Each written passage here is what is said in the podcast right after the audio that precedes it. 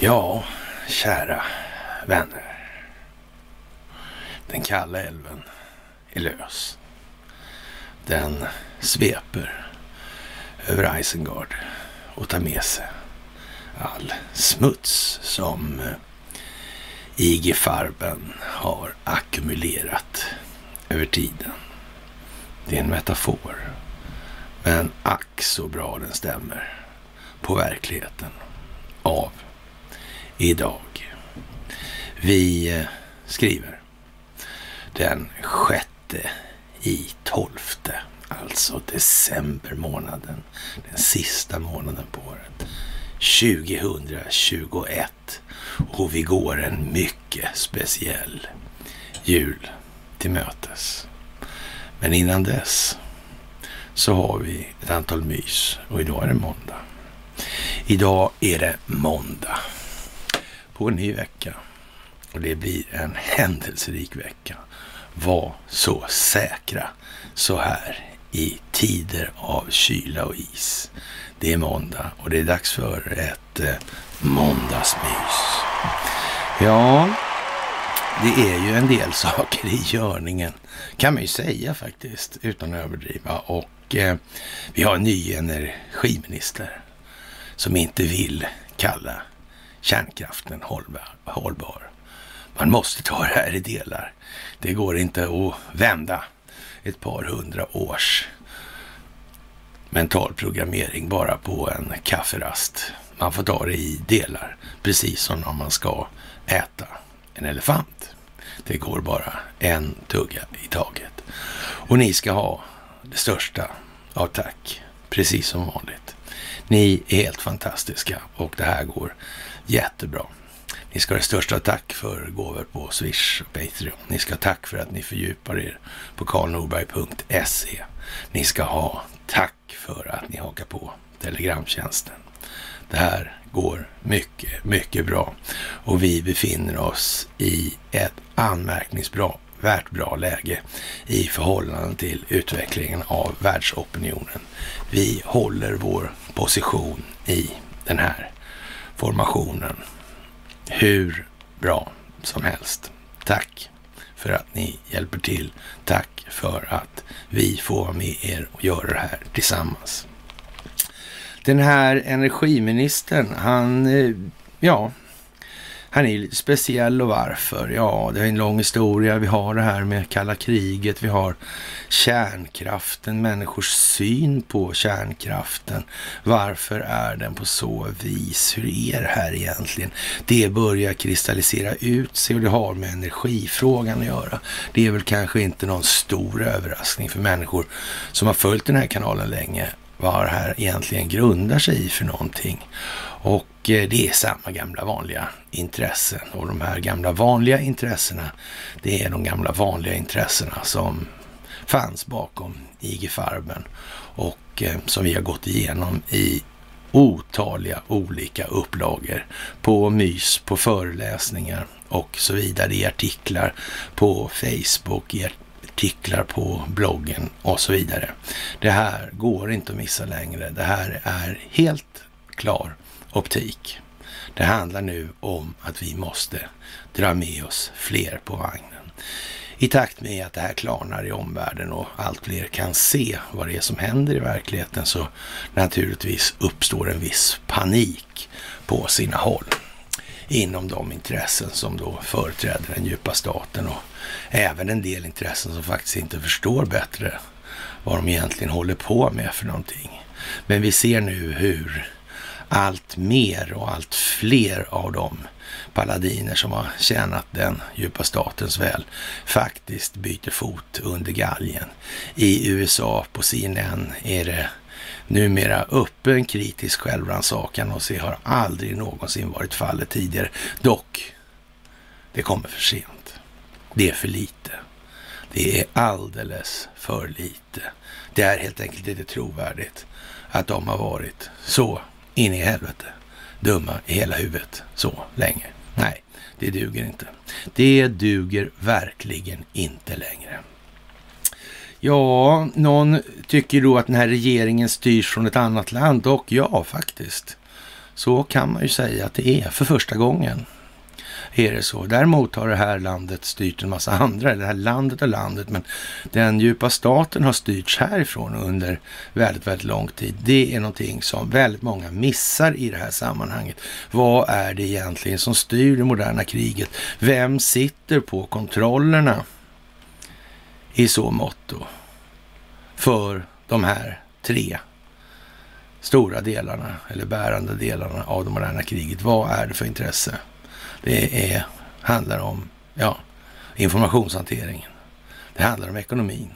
Det handlar om den kinesiska militära verksamheten. Mm. Och det bullas upp. Det börjar mullra vid horisonten. Det ska spelas teater. Big time. Det här kommer samtidigt som en rad olika händelseförlopp och utvecklingar äger rum. En fantastisk tid, en omvälvande tid. En eh, tid för eftertanke.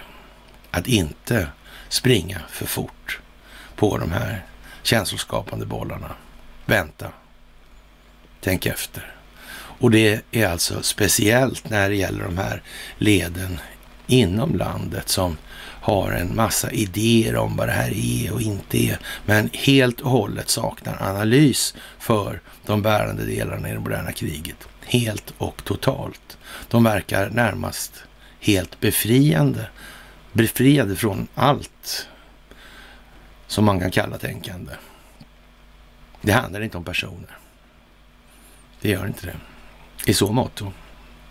Det räcker inte med att det är en person och därigenom ska allting dömas av. Det måste ses till. Vad gör vederbörande? Med vilket syfte kan det här möjligen ske? Vilken planering kan ligga bakom? Vilka effekter vill uppnås genom den ena eller andra insatsen?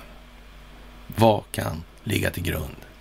Som sagt, regeringen styrs från ett annat land, så är det. Och vi kan vara helt säkra på att, eh, ja, det har att göra med telekominfrastruktur. Det har att göra med energiförsörjning. Det har att göra med kinetisk militär verksamhet i så motto. Helt jävla bombis. ja, ni gillar ju det där uttrycket. Det gäller att sätta sådana gamla grejer på plats igen så här. Patrik Kronqvist i Expressen nämnde vi förra gången och S lät universitetet godkänna sig själv. Och det är klart, handlar om informationshantering i det moderna kriget då är inte utbildningsväsendet det som man bara släpper och låter vara helt enkelt, utan det måste spela ut sin roll också i det här. Och det har den djupa staten inte missat. Absolut inte. Absolut inte. Men även där har det vänt. Även där har det vänt. Och det här är precis som med kärnkraften. Det går inte bara att göra det här på en gång. Det finns alldeles för mycket, om vi ska kalla det för träskallar, institutionaliserade på universiteten. De har sin inkomst och utkomst ifrån den verksamheten som de medverkar till där. Så är det. De kommer inte göra avkall på de prioriteringarna och de känslogrundande värderingarna i brårasket. Det händer inte. Det händer inte. Tänk på det. Det här är inget sprintlopp. Det är inte det. Och det kan jag tala om att det är lätt att tänka sig att det är det. Det vet jag. Det är bara att berätta om Ivar Kryger så löser det sig. Men det är inte fallet. Verkligheten ser inte ut så. Det handlar om att nöta, nöta, nöta och nöta. Inte ge upp. Stå på. Det är det som skapar förutsättningen för att nå målet. Ingenting annat. Ja, vi har ju en eh, del, eh, ja, och säga alla som inte jublar åt svaga högskolor får kalla sig universitet. Om man taskig människosyn får, får man då förmoda. Och eh, ja, Jönköping och Södertörn är ju två klassiska exempel på det här. Inte minst då Södertörn och eh, ja, vad ska man säga, det återstår att se om Anna Ekström, den nya ministern, och hon finns i en rad olika sammanhang som man nog inte kan kalla för alltför smickrande. Och inte minst när det gäller undertecknad har hon varit en ganska sådär engagerad människa i de här sammanhangen och det får man väl nästan se i ljuset av vad som har hänt nu senaste dygnet. Och ja, man kan väl säga så här att hon är ju i alla fall eh, inte så negativt inställd till stigmatisering och så här för eh, de människor som så att säga påtalar att det här kanske inte stämmer så där väldigt väl med verkligheten ändå, alltså som ni försöker göra gällande. Det är naturligtvis så att hon blir minister av en anledning och den anledningen är idag rätt uppenbar. Det är ingen i den församlingen av ministrar som inte är vald med en viss grund. Och den grunden är inte deras moraliska föredömlighet. Det är helt jävla säkert. Deras moraliska originalitet skulle man kunna säga däremot har en del ja, med saken att göra. Och sen får man väl försöka tolka det bäst man kan alltså. Jaha, och eh, vi hade ju en del om granar förra gången och, och det där måste vi, nu är det jul igen, hej och hå, i det där. Och eh, ja, det är ju lite sådär, det här med krav larmade som Smålandsgrans bluff för flera år sedan. Och det där är ju naturligtvis någonting som har satts i system alltså. Ifrån de här enskilda vinstmaximeringsintressen. Det tror väl fan det. Det finns ju liksom inget annat. Och så måste man acceptera att det är. När enskilda vinstmaximeringsintressen figurerar i de här sammanhangen så handlar det om att tjäna pengar. Det handlar inte om någon allmän välvilja till samhället. Det är dags att förstå det. Och där måste man någonstans ställa upp den här ekvationen. Vad är det egentligen rimligt att man har för någonting?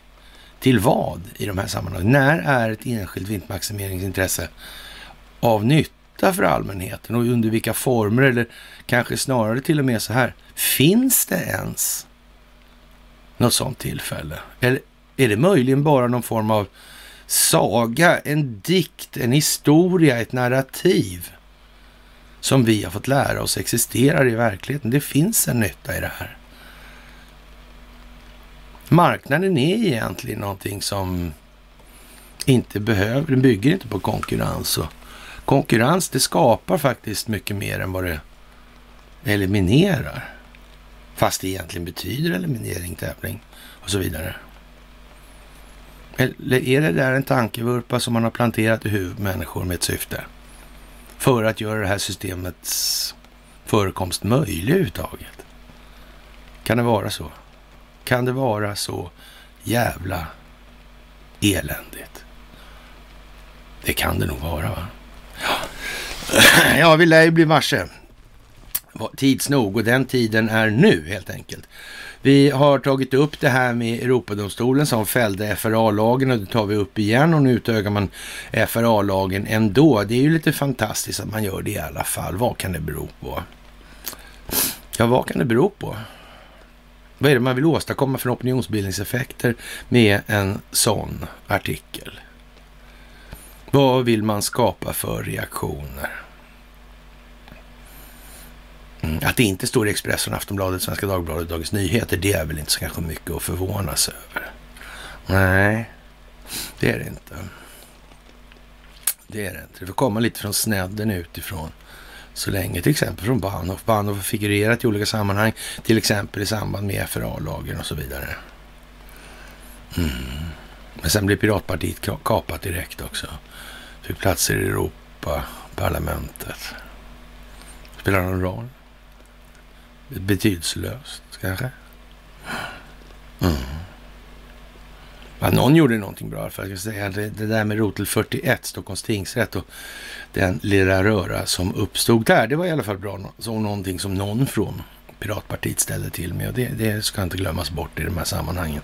Det var bra. En hel del andra i den där ledningen var kanske inte lika moraliskt föredömliga om vi säger som så. Så har vi uttryckt oss lite hovsamt kanske. Ja, när det gäller Investor så är det ju lite eljest eftersom de är då i fokus för den så att säga, konstellation eller den samordnade insats som bedrivs av de länder som eller bekämpar den djupa staten. Och det tror jag de flesta har förstått nu och vi har ju vår gamla bild där på Recep Tayyip Erdogan, Vladimir Putin och Donald Trump och Xi Jinping med sina förstoringsglas med ljuset från verkligheten på Ericsson Globe Arena som det hette på den tiden, där numera Avicii Arena som för övrigt ska ha någon form av konsert. Kan det tänkas finnas som en del i det här folkbildningsprojektet? Det här är alltså världens genom tiderna största folkbildningsprojekt. Och det måste koordineras samfällt över hela linjen för att nå optimal verkningsgrad på insatserna. Och det blir bara löjligt när de här människorna som säger att det här är inte koordinerat, det här finns ingen planering, det här är, ja, Donald Trump han jobbar för den djupa staten. Jaha, det är inte koordinerat alls. Men nu har vi kommit till den punkten att nu börjar man se att Nej, men så kan det faktiskt inte vara. Okej, då kan vi säga, då kan det inte vara så. Det kan vi köpa så långt. Men vilka är då de krafter som motverkar det här? Det är inte Donald Trump, säger ju de här entusiasterna på svenska sidorna då. Vars analys saknar allt, eller kanske ska säga saknas totalt. De bara säger så och sen skickar de med en länk på något vis. Som i sig innehåller, eh, ja, vad man kan förvänta sig helt enkelt och ingenting annat. Ja, hur är det här egentligen? Alltså har man inte fundamenta klart för sig vad det här är för typ av spel och vilka delar som ingår i spelet och vad de delarna i sin tur består av för typ av sammansättning. Vet man inte att telekominfrastruktur är viktigt eller tycker att det inte är så viktigt? Förstår man inte att betalningsinfrastrukturen för bankerna med kontosystemet, förstår man inte att kraftförsörjningen är avgörande för att den delen av den elektroniska verksamheten ska existera, ja då är det ju som det är liksom. Då får man snacka om mördarvaxet och, och man tar en liten del så här och så stå, plockar man in det på något vis som styrande då för hela funktionen och underdelarna i det moderna kriget. Alltså det är en analys som inte anstår ens hunden i huset. Alltså. Hunden i huset kan räkna ut att det inte är så där. Men ändå. Det liksom fortsätter på något vis. Det fortsätter. Och så kan vi inte ha det. Så kan vi inte ha det. Vi måste hålla oss till verkligheten. Det är bara så. Och eh, visst, det är ingen stor del och det blir naturligtvis en diskretare framtoning ju närmare så att säga, huvudsidorna man befinner sig. Men jag roar mig lite med att titta då på runt om när de här figurerna så att säga, uttrycker sig i olika sammanhang. Och ja, man får faktiskt konstatera det att eh, visst, alla har rätt att yttra sig, men man ska heller inte underskatta fördelen då med att också hålla käften. Om det är nu så att man inte begriper bättre så ja, det är ju så. För som svenskar plägar göra så tar man inte gärna råd eller lyssnar på information. Det verkar vara någonting som upplevs som främmande, någonting farligt, någonting dåligt. Man skulle kunna säga att eh, viljan till kritisk självrannsakan den är påtaglig, för att uttrycka sig hovsamt då. Ja, Ukraina yttrar sig som vanligt då om att det blir stora invasionsföretag från rysk sida och man får väl säga så här att det må ju vara en from förhoppning. Det kommer naturligtvis inte att bli så. Det fattar vem som helst att det som sker, det sker av en anledning och det kommer inte bli någon invasion på det viset i det här sammanhanget. Det finns ingen möjlighet. Däremot kan man ju säga så här, det är inte ett osannolikt företag då att se att eh, man försöker skydda den delen av befolkningen i Ukraina som faktiskt är ryssar och rysktalande. Som finns då i de östra delarna. Då, det, det kan man väl tänka sig är inte särskilt osannolikt. Det, och, och, ja, hur det där ska hanteras, det är kanske lite svårare att säga, men så mycket kan man säga att det är definitivt koordinerat mellan USA och Kina och Ryssland och för all del även Turkiet Iran och så vidare i det här mot den djupa statens nytta. Så är det också. Och eh, vi har ju sagt det återkommande då att Ukraina kommer att bli så att säga den pivåarea eller den ja, utgångspunkt eller vad vi väljer att kalla det för då, som gör att det här faller in i Sverige på ett mycket påtagligt sätt. Och vi har ju en rad olika historiska grejer och, och långt tillbaka i historien dessutom i det här. Och vi kan väl med någon mån också hänvisa till modernare grejer. Det här med eh, Tjernobyl och Westinghouse och ja, och, ja, Robert O'Brien, den amerikanske säkerhetsrådgivaren och hans uttalanden om det här med till exempel filmen från Tjernobyl, om Tjernobyl som gjordes av svenskar och besatt, rollbesättningen var svenskar och sådär. Han sedermera sa att de tänkte göra en likadan om Wuhan som de gjorde om de, alltså, jaha, de ja. Mm. ja. Och det är ju inte liksom skitsvårt att se vad det här är för någonting i grund och botten längre. Det är ju liksom... Och då blir det ännu mer patetiskt med det här snittersnattret om att Nej, det finns... Och, och sen har det dykt upp en ännu värre då, liksom. En fullkomligt imbecill grej. Alltså det här med att vi ska göra en väpnad revolt, finns det folk som säger. Jaha. ja. Det är också en sån grej som man tror inte är möjligt liksom. Vad skulle hända om vi försökte med något sånt tro? Man kan säga så att den militära bildningen hos de här människorna som håller på, nu är inte militär bildning någon brev, men man ska säga eh, militär bildning i kombination med eget fritt tänkande, det är en mycket ovanlig kombination i, i, i det här landet. Det kan man säga så här, jätteovanlig verk. För det är ju trots allt någon, någon form av formatering. Eh, alltså, så. Och, och ja, vad ska vi säga? Och om, om vi nu försökte, vi leker med det hypotetiska exemplet då, att vi skulle göra något sånt här, liksom folk skulle samlas på gatorna med spadar och högrepar och gamla hagelbrakar och vad de kan ja, uppbåda för no, någon form av eldkraft eller så att säga vapenmakt. Ja, vad skulle hända? Vad skulle djupa staten göra till exempel om, man upptäckte, om de upptäckte det där? Ja, vad skulle kunna hända? Det är ju det här, det brister ju liksom direkt. De här människorna som håller på på det här viset, de kan för lite, de förstår ju inte ens vad som, vad som man tänker så här, vad hände Isis? Vad hände Isis? Vad gjorde Ramzan Kadyrov? Och, och, och, de flesta sitter ju faktiskt och tittar på det här. Och ja, det är svårt att komma ihåg det. Ja, men så här då.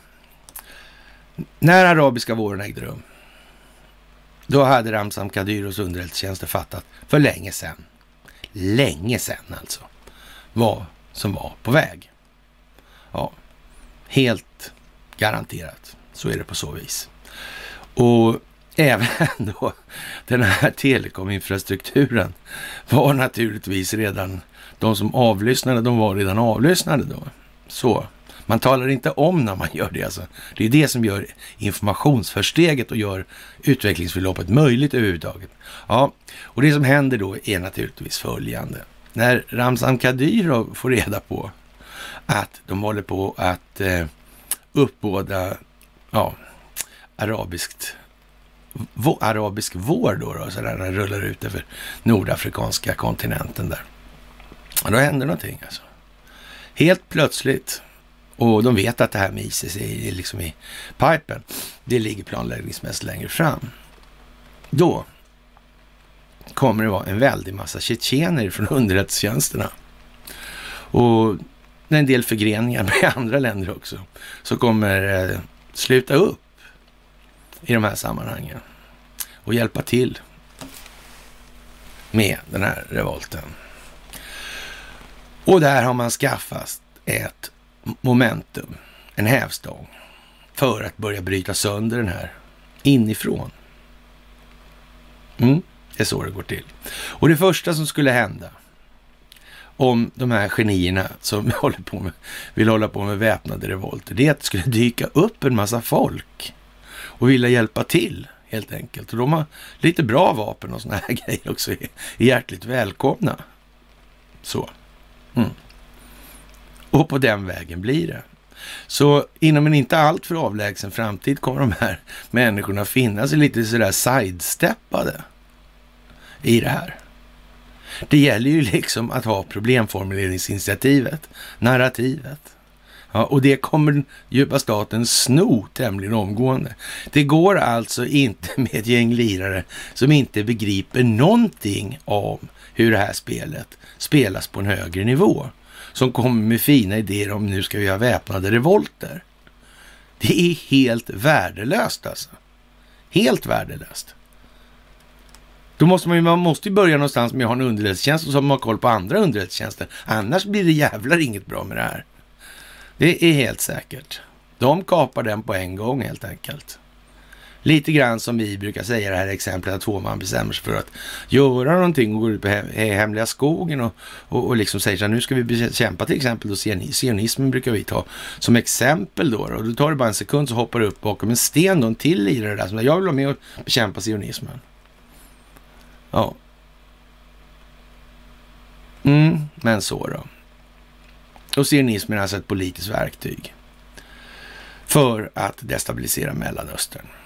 Och så har det varit och det har blivit en kapad religion då i det här. Och eh, ja, resten är känt helt enkelt. Jaha, och eh, ja, vad ska vi säga? Det är fantastiskt bra att ni är så duktiga som ni är nu och det behövs. Det behövs och vi behöver bli fler också dessutom.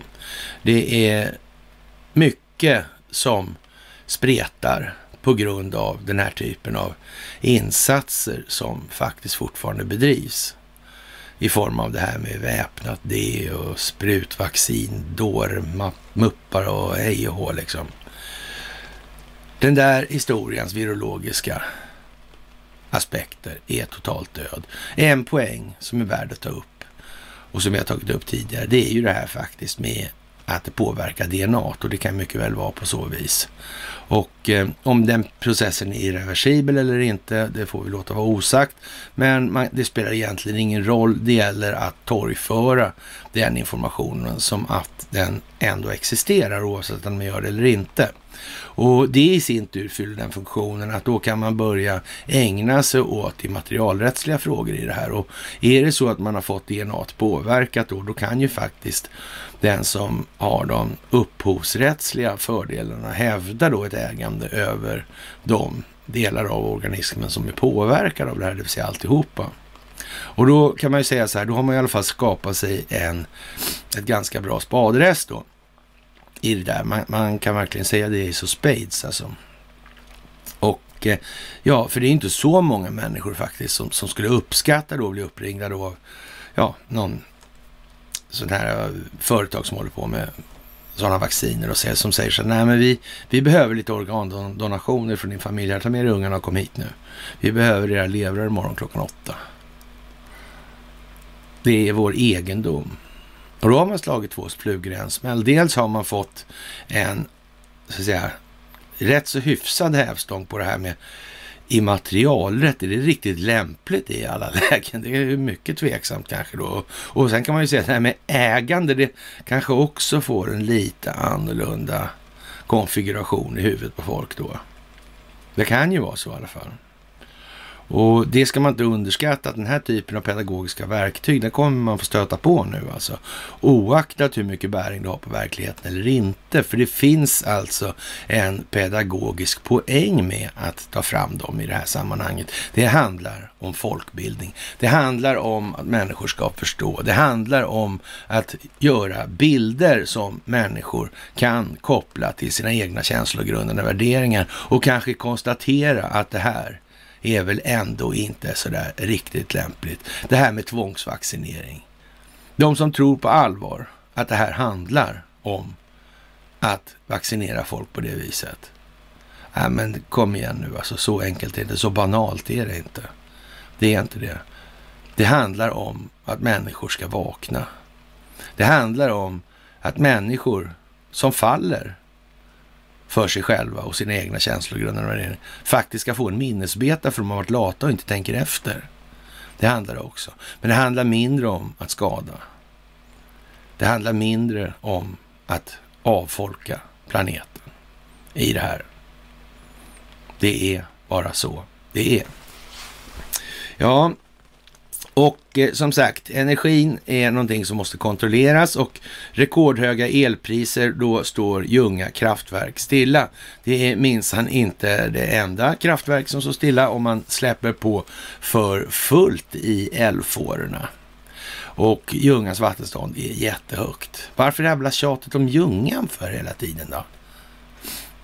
Jo, det var ju de där 0,5 procenten. Det var ju det.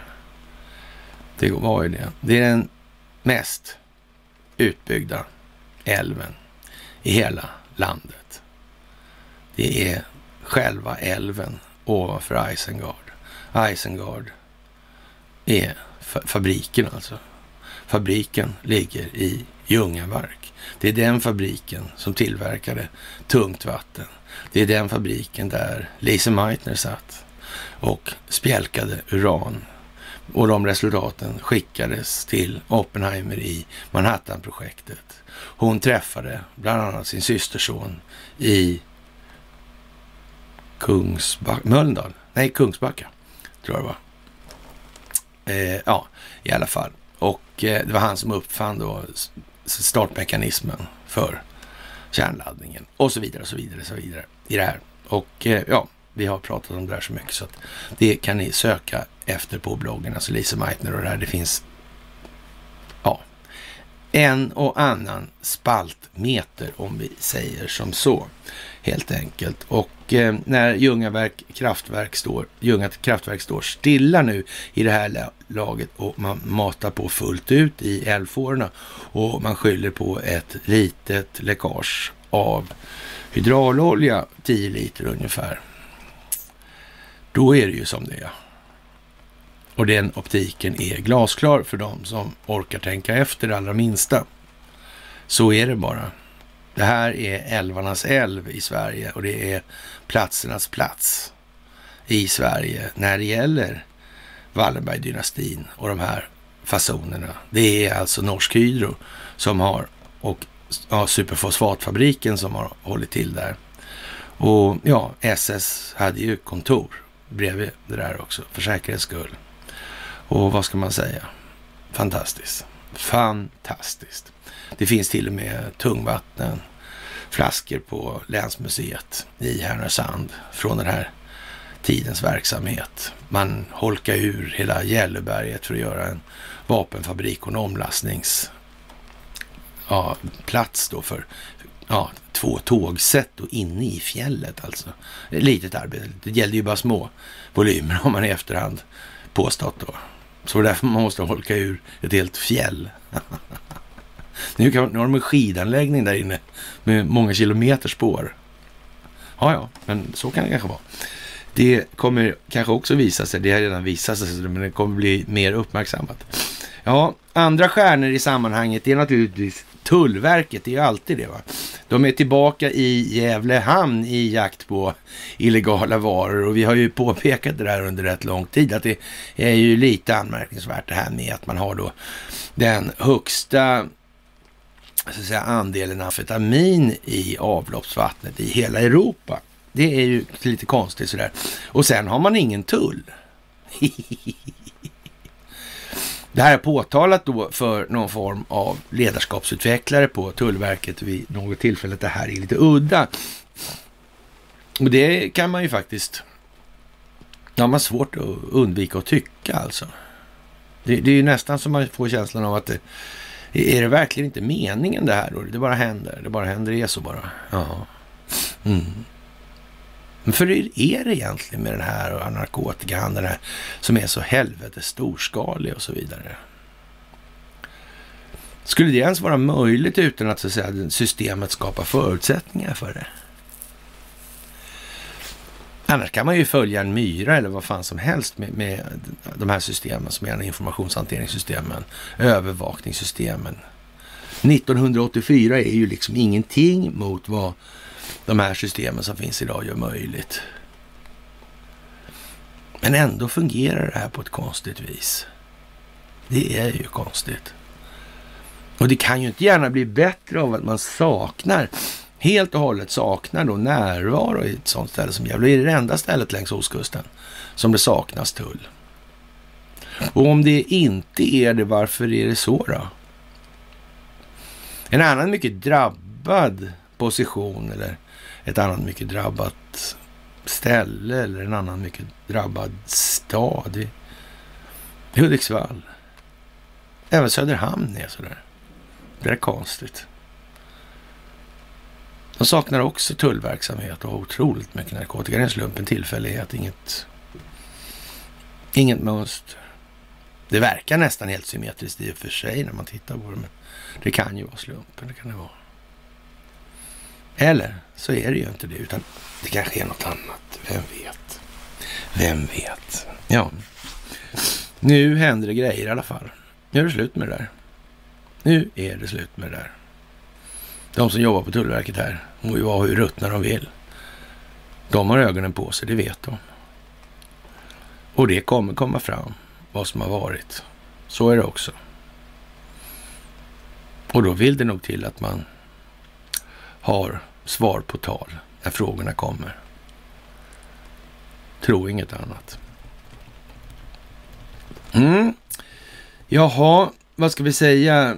Det är som vi sa, det här i Epoch Times då, så ja, vad ska vi säga? Det här med DNA påverkat av R mRNA could be patented by vaccine manufacturers. Alltså det där är ju en sån grej alltså som är allvarlig. Och det må ju vara som det är med det egentligen då kanske, men, men den kommer i alla fall upp nu och den, den kommer så att säga för, anföras på, all, på allvar alltså. och det kan man ju se som ett tecken på att var vi befinner oss då i den här utvecklingen av folkbildningen och eh, ja, vad finns det att säga egentligen i så mått då? Det är ju inte många som kan tänka sig något värre än att bli uppringd av ett sånt här aktuellt och, ja, vaccinföretag som då säger så här, nej men vi alltså hävdar då vår immaterialrättsliga grund för att vi ska ha din lever.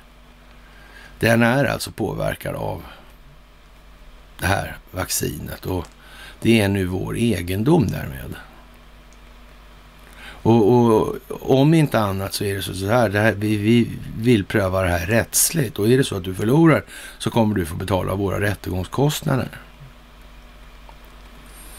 Och då har man då till exempel Pfizer eller AstraZeneca eller så här på andra sidan rättssalen då och, och man, man själv blir svarande då och ska försöka försvara sin egen lever och såna här grejer.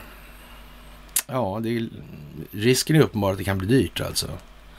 Och, och som sagt, men syftet är ju inte den här levern egentligen, utan syftet är att människor ska reagera. Människor ska se att det här är lite tokigt. Vi kan inte ha en immaterialrätt som ställer då de mänskliga rättigheterna på ända liksom på det sättet eller på det viset. Och då hävdar ju de då naturligtvis att det är inte någon mänsklig rättighet, för det här är ingen mänsklig grej alltså. Det har varit den mänskliga innan det här vaccinet, men i, när all den stund som det här vaccinet kommer in i den mänskliga organismen, då slutar det också att kunna klassificeras som naturligt och därför blir det också patenträttsligt giltigt. Det är så de kommer hävda det då, anförare. Mm. Och de kan säkert hitta ett antal till vinklar också, så jag bara tog en sådär. Men det är ju liksom själva tanken och det här kommer folk tycka är jävligt dåligt. Jävligt dåligt. Precis som det här med tvångsvaccinering. Det handlar om att väcka folk. Det handlar om att folk att reagera. Samtidigt som man inte ska försätta dem i en sån affekt så de blir helt radiostyrda av känslan alltså. De måste hinna tänka efter. Det är liksom inte svårare än så. Det är enkelt. Jaha, då så. Ja, Biden han kommer göra det mycket, mycket svårt för Putin. Fantastiskt alltså. Ja, dramaturgin är ju inte att ta miste på. Det luktar då Mnuchin lång väg alltså. Jag håller på att ta fram det och jag tror det är mest kraftfulla och meningsfulla åtgärderna för att göra det mycket svårt för herr Putin att göra det människor är rädda att han kommer att göra, säger Biden enligt AP då, Associated Press. Och, och vad kan man säga i, i den meningen är väl det att eh, ja, vilka människor eh, är det som blir rädda för att han ska göra vad egentligen? Några människor som blir rädda hittills i alla fall har blivit rädda i alla fall. Det är ju uppenbarligen de människor som verkar för den djupa statens räkning eftersom allting Joe Biden har gjort har blivit helt kontraproduktivt i förhållande till vad många människor trodde att skulle hända när han blev vald. Faktiskt, han har ju gjort det precis omvända hela tiden. Det är ju mycket så att säga nominella värden på orden så att säga, som kanske till en början i vart fall talade för att det här skulle bli jättebra för den djupa staten. Verkligheten har nu visat sig vara en helt annan. Det blir inget bra alls för den djupa staten i den meningen. Det blir värdelöst helt enkelt. Det har naturligtvis varit meningen hela tiden. Och precis som vi har sagt under hur lång tid som helst nu alltså. Det här var nödvändigt. Det fanns ingen annan väg helt enkelt. Det var för djupt. Det kunde inte vi ha någon aning om. Hur djupt det här var. Vi kunde inte ha en aning om hur det såg ut i USA. Och USA är alltså den vita handen. Det är den verkställande handen. Det är den som utför det som huvudet, ögat, anbefaller. Så. Och där sitter kontrollen över informationshanteringen. Det här är inte kärnfysik. Och vi kommer fortsätta att tjata om det här tills dess att till och med de här människorna som inte förstår ett enda sammanhang om någonting i princip, utan bara tar lösryckta, lösryckta fragment och sätter in någonstans hur som helst utan relaterande samband. De kommer också tvingas att förstå det här med tiden. Och det är ett evigt jobb. Det är hela resan. Det är hela vägen. Det är målet med livet i det här. Vi måste hjälpa varandra i den meningen. Jaha, och eh, det spända läget i konflikten har inte avtagit efter mötet i Sverige mellan USAs utrikesminister Antony Blinken och hans ryske motpart Sergej Lavrov.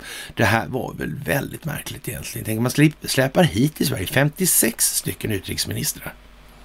Och, och det, var ju, det var ju inte mer i tidningarna eller i de ägardirektivstyrda opinionsbildningsmedierna än vad matchen mellan AIK och Hammarby tog i medierna. Det var, det var ju konstigt. Jag menar, är det många som kände till väldigt många andra utrikesministermöten där det var 56 stycken? Och USA och Ryssland och så vidare. Där det inte är mycket rubriker, mycket media, mycket täckning. Vad beror det här? Pratar de om någonting som inte kanske lämpade sig för tryck ännu? Måste saker koordineras? Måste några rättas in i ledet kanske? Kan det vara så? Vad hände sen efter det här? Vad hände där egentligen med hon Nobeldonnaren där i Myanmar? Det kom ju lite efter där. kom det en dom. Men det var ju en jävla struntdom alltså. Mm. Ja, hur kan det där vara egentligen? Ja, det där måste man tänka efter lite på här. Var, hur kan det här ligga liksom i utvecklingen? Ja, hur kan det bli? Vad kan vara syftet? Ja. Jaha, Blinken har sagt att USA har bevis för en planerad rysk invasion, alltså i Ukraina, och säger att landet kommer att svara med bestämdhet om Ryssland sätter, in, sätter sina planer i verket. Trots en massiv rysk desinformationskampanj utgör Ukraina inte på något sätt ett hot mot Ryssland eller försöker, söker konfrontation på ett sätt som skulle rättfärdiga militär intervention. Det enda hotet är det om ny rysk aggression, sa Blinken efter mötet. Lavrov å sin sida anklagar USA och NATO för att röra sig allt närmare den ryska gränsen och kräver att expansionen ska upphöra. Och eh, vad, vad, är egentligen poängen med det? Jo, det är naturligtvis att det går ju aldrig att veta exakt hur mycket djupa staten inblandning som finns i de egna leden och får någon av de här chansen att sätta igång en falsk flagga så kommer man naturligtvis att göra det. Va? Och därför gäller det så att säga att inte skapa det tillfälle som gör tjuven i den meningen. Det är ju viktigt som fan alltså. Och därför ser det just ut på det här viset. Och eh, jaha, vi vill som president Putin har sagt inte ha några konflikter, säger Lavrov.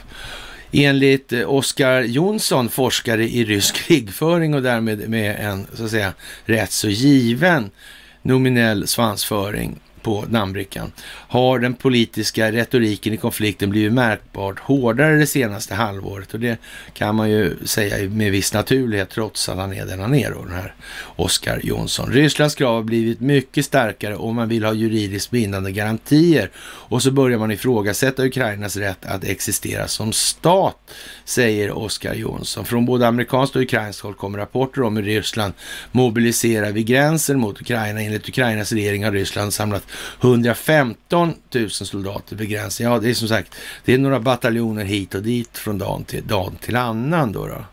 Men, men så länge man håller sig på så att säga, sitt eget lands territorium så är det väl ändå lite svårt att med någon trovärdighet hävda att det där är någon form av övertramp. Alltså det, det där är lite som det är helt enkelt. Ja, och eh, det är ju lite sådär med i Australien då med det här med karantin eller vad heter det, karantänläger och ja, allt sånt där. Och det, det, måste till alltså sånt där. Och det är frågan om hur det ser ut naturligtvis i verkligheten. Men den mediala bild som förmedlas ut, den är ju naturligtvis ganska entydig. Och, och det är ju liksom en eh, ja, fascistoid historia bortom allt vad vi har varit med om i västerländska civilisationer.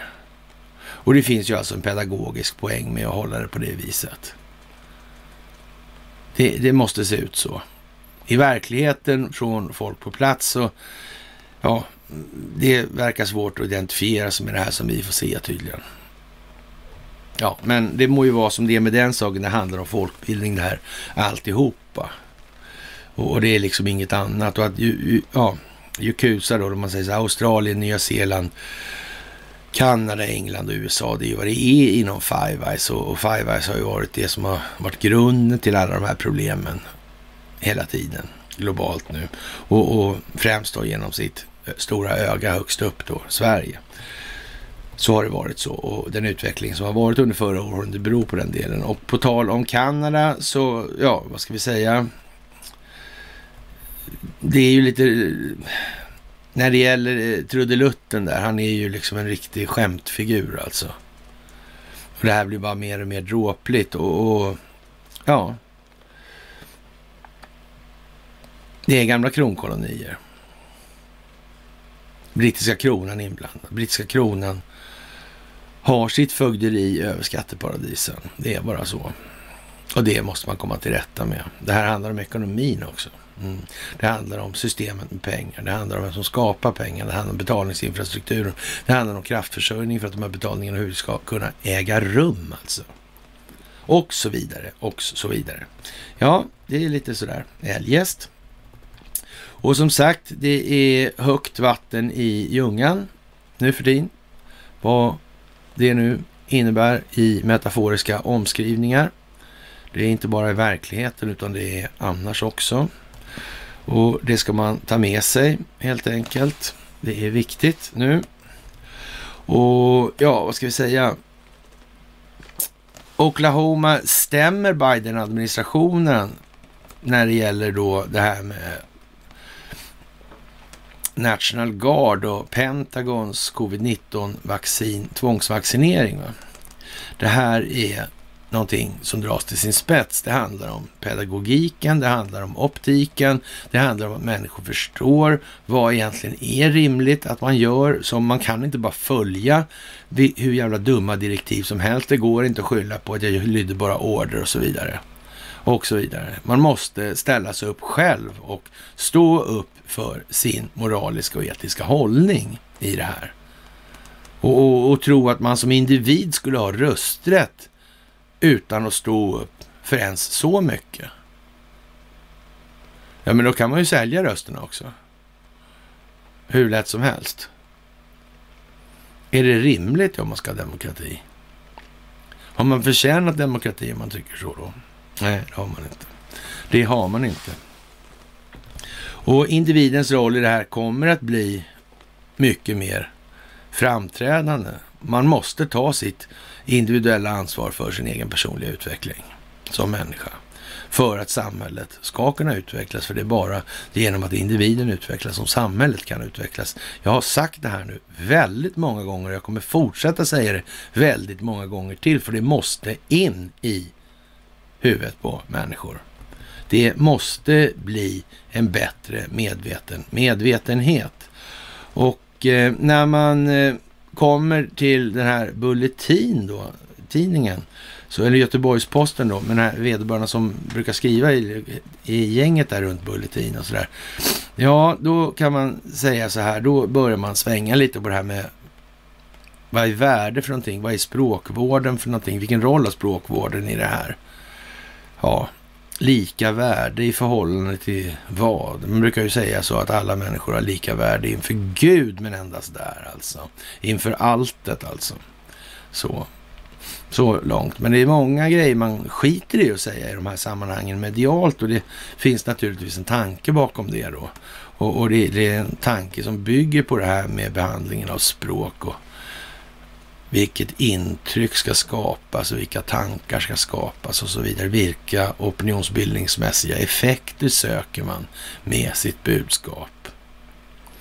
Och det där är ju liksom, är det inte så att det framgår tydligt att det är det allmännas bästa, ja då ska man dra öronen åt sig direkt alltså. Då ska man vara på sin vakt. Alltså att det finns egennytta och enskilda nyttomaximeringsintressen som försöker då få åt sig, det tror jag faktiskt inte man behöver förklara för så många längre. Det börjar de flesta ha förstått nu. Så då blir ju frågan hur stor enskild nytta ska få belasta den allmänna nyttan och varför? Varför ska det vara så? Ja, det är ju lite som det är det här egentligen. Och eh, ja, många frågar ju då vad betyder ens det här uttrycket alla, alla lika mycket värda liksom? Ja, det är väl... Eh, man får fundera lite på det där helt enkelt. Men man kan väl säga så här, ett liv har ett värde. Ett. Ett liv. Om det är lika mycket värt för alla människor, då är ju det någonting att tänka på. Kan man börja där och i den tanken. Och så kan man tänka sig vidare lite grann. Det får man måste man göra själv då. Man måste etablera sin egen förståelse själv. Det kan inte jag göra härifrån. Jag kan förklara, men jag kan inte förstå åt någon annan. Jag kan förklara för människor, men jag kan inte förstå åt människor. Det måste man också ha klart för sig. Där. Man måste anstränga sig. Det duger inte annars, helt enkelt. Jaha, 60-tal fall av misstänkt omikron på julbord var fullvaccinerade. En succé med andra ord. Och då tänker man ju då, ja nu kommer alla fatta att det där är en riktig jävla medial blåsning. Ja, det kan man ju. Då kan jag snyta mig så länge medan alla fattar det då.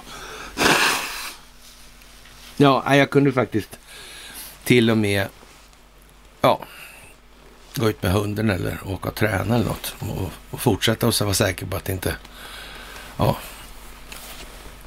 alla hade förstått. Det är så. Det här blir otroligt känslostyrt. Och lika väl som att hela den här insatsen med eh, covidiotin och det här är kapad och ägnad då att skapa momentum, en hävstång för folkbildningen. I och med alla de här övertydligheterna som nu är övertydligheter, men från början var mera otydligheter för många.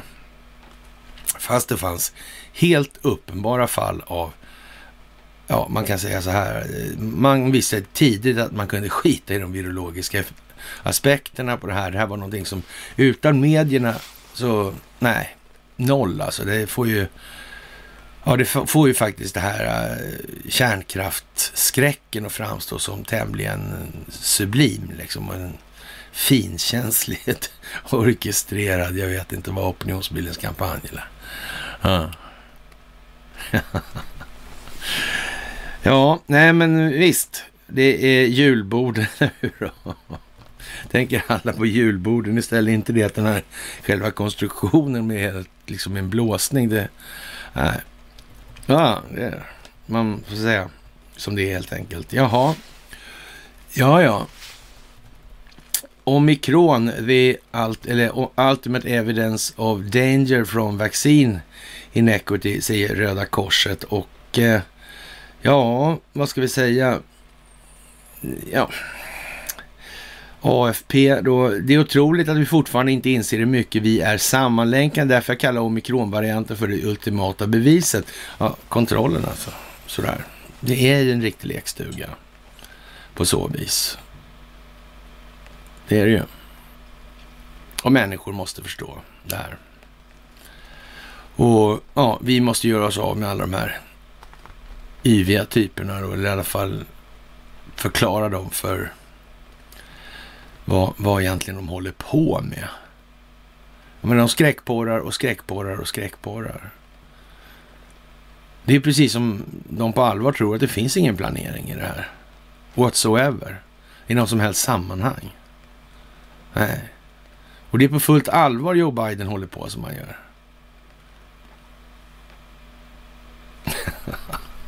allvarligt. Allvarligt talat alltså.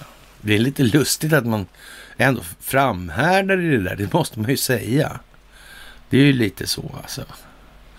Ja. mm. Jaha, vad ska vi säga?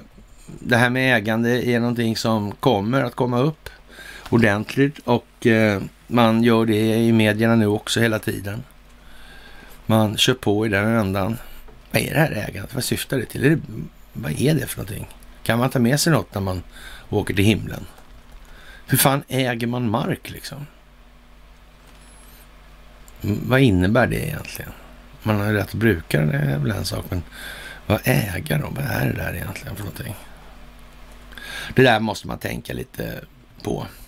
Jaha, förbluffande brist på allmänbildning i vissa ämnen då och det är naturligtvis Kajalis och Carina Bergfeldt det här handlar om. Och man måste ju säga när man börjar ta upp de här grejerna eh, i, i medierna då är ju inte det som sagt, det är ju inte ägnat att hylla vederbörande då för sina tappra insatser för folkbildningen och sådana här grejer. Det är ju inte det det handlar om, utan det är väl snarare kanske det att visa att de här människorna är inte särskilt kunniga på särskilt mycket saker och till och med kanske anmärkningsvärt okunniga på oväntat många saker alltså.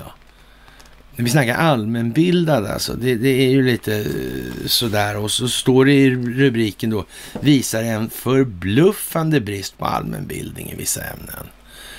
Ja, man får nog säga så här att det där var väl ändå inget överbetyg åt de som hålls för att vara väldigt trovärdiga och kunna svara för den allmänna folkbildningen.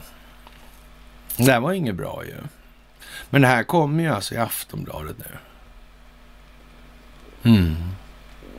Men det är som det är nu helt enkelt. Och eh, ja, nu är de ute i programmet för två raka förluster då och det är ju i samma skriver man då deras meritlista då i det här. Och de är egentligen helt hopplösa de här två. Och, och, man kan väl säga så här, de, det är ändå de två som är liksom mest i märket då. Alltså, det finns ju inte, eller rättare sagt, det finns ju rätt mycket damer i, i ja, mellan 40 och 60 där som är rätt så irriterade på den här Bergfeldtskan då. Och, och den här eh, kajaltypen där han, ja, mm, han är ju mer en skämtfigur på det viset. Alltså han ser ju till och med konstgjord ut. Va? Så att det...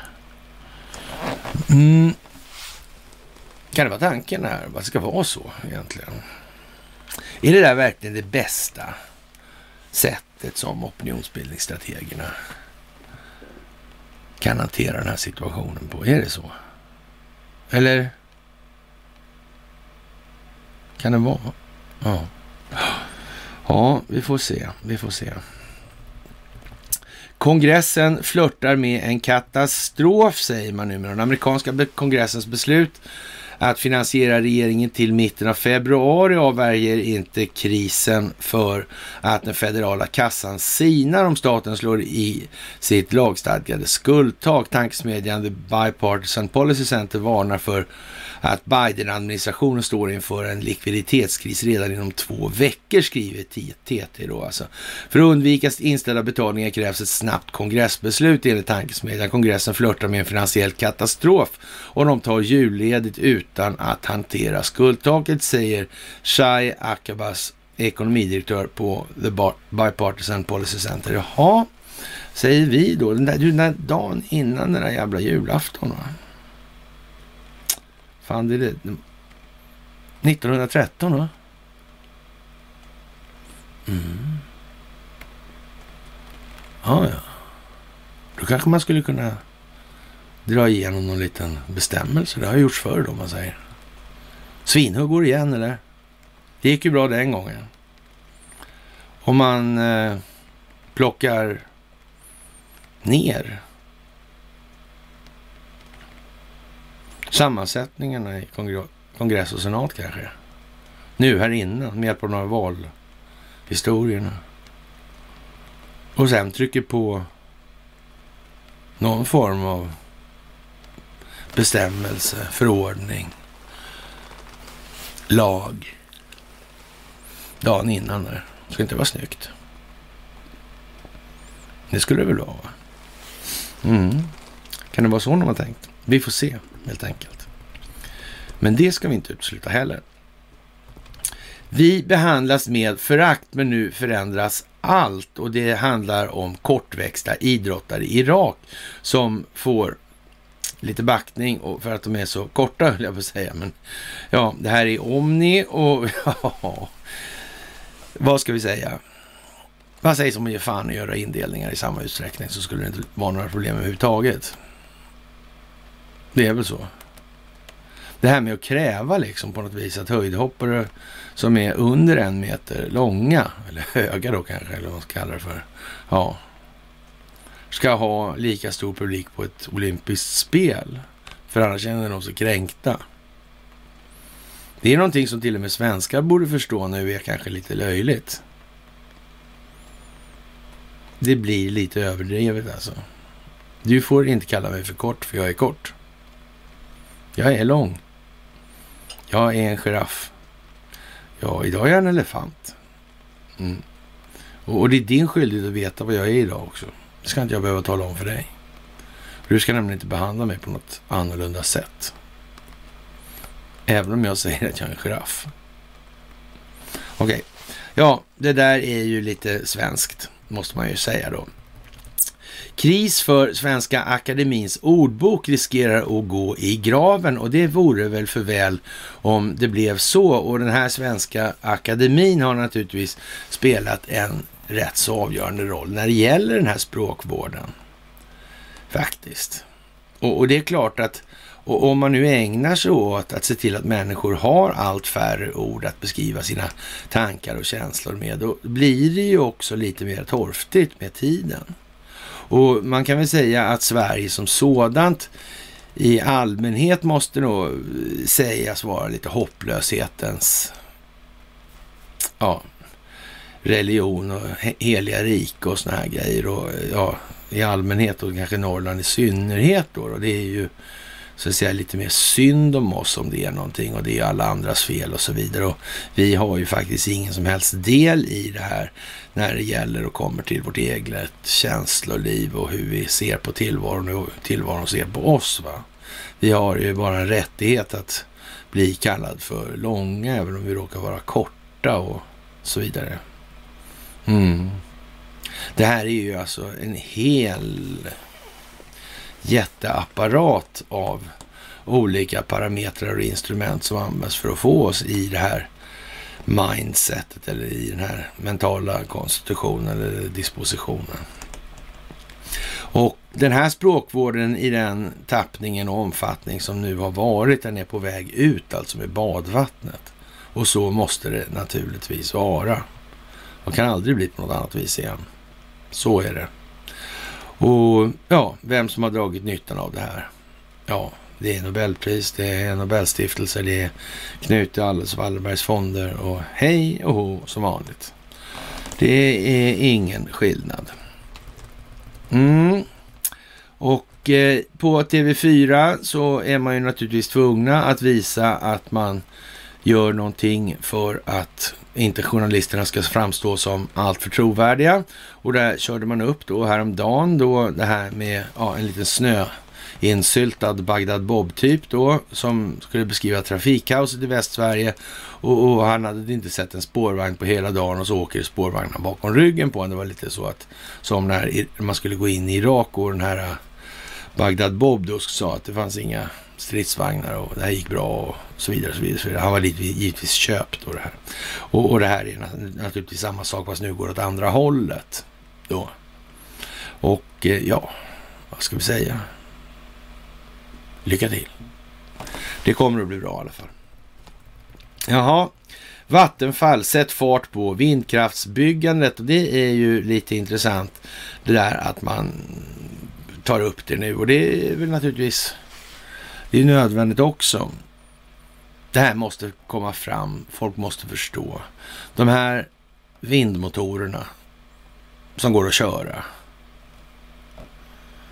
av flera olika anledningar. Alltså inte bara att slösa energi utan men det...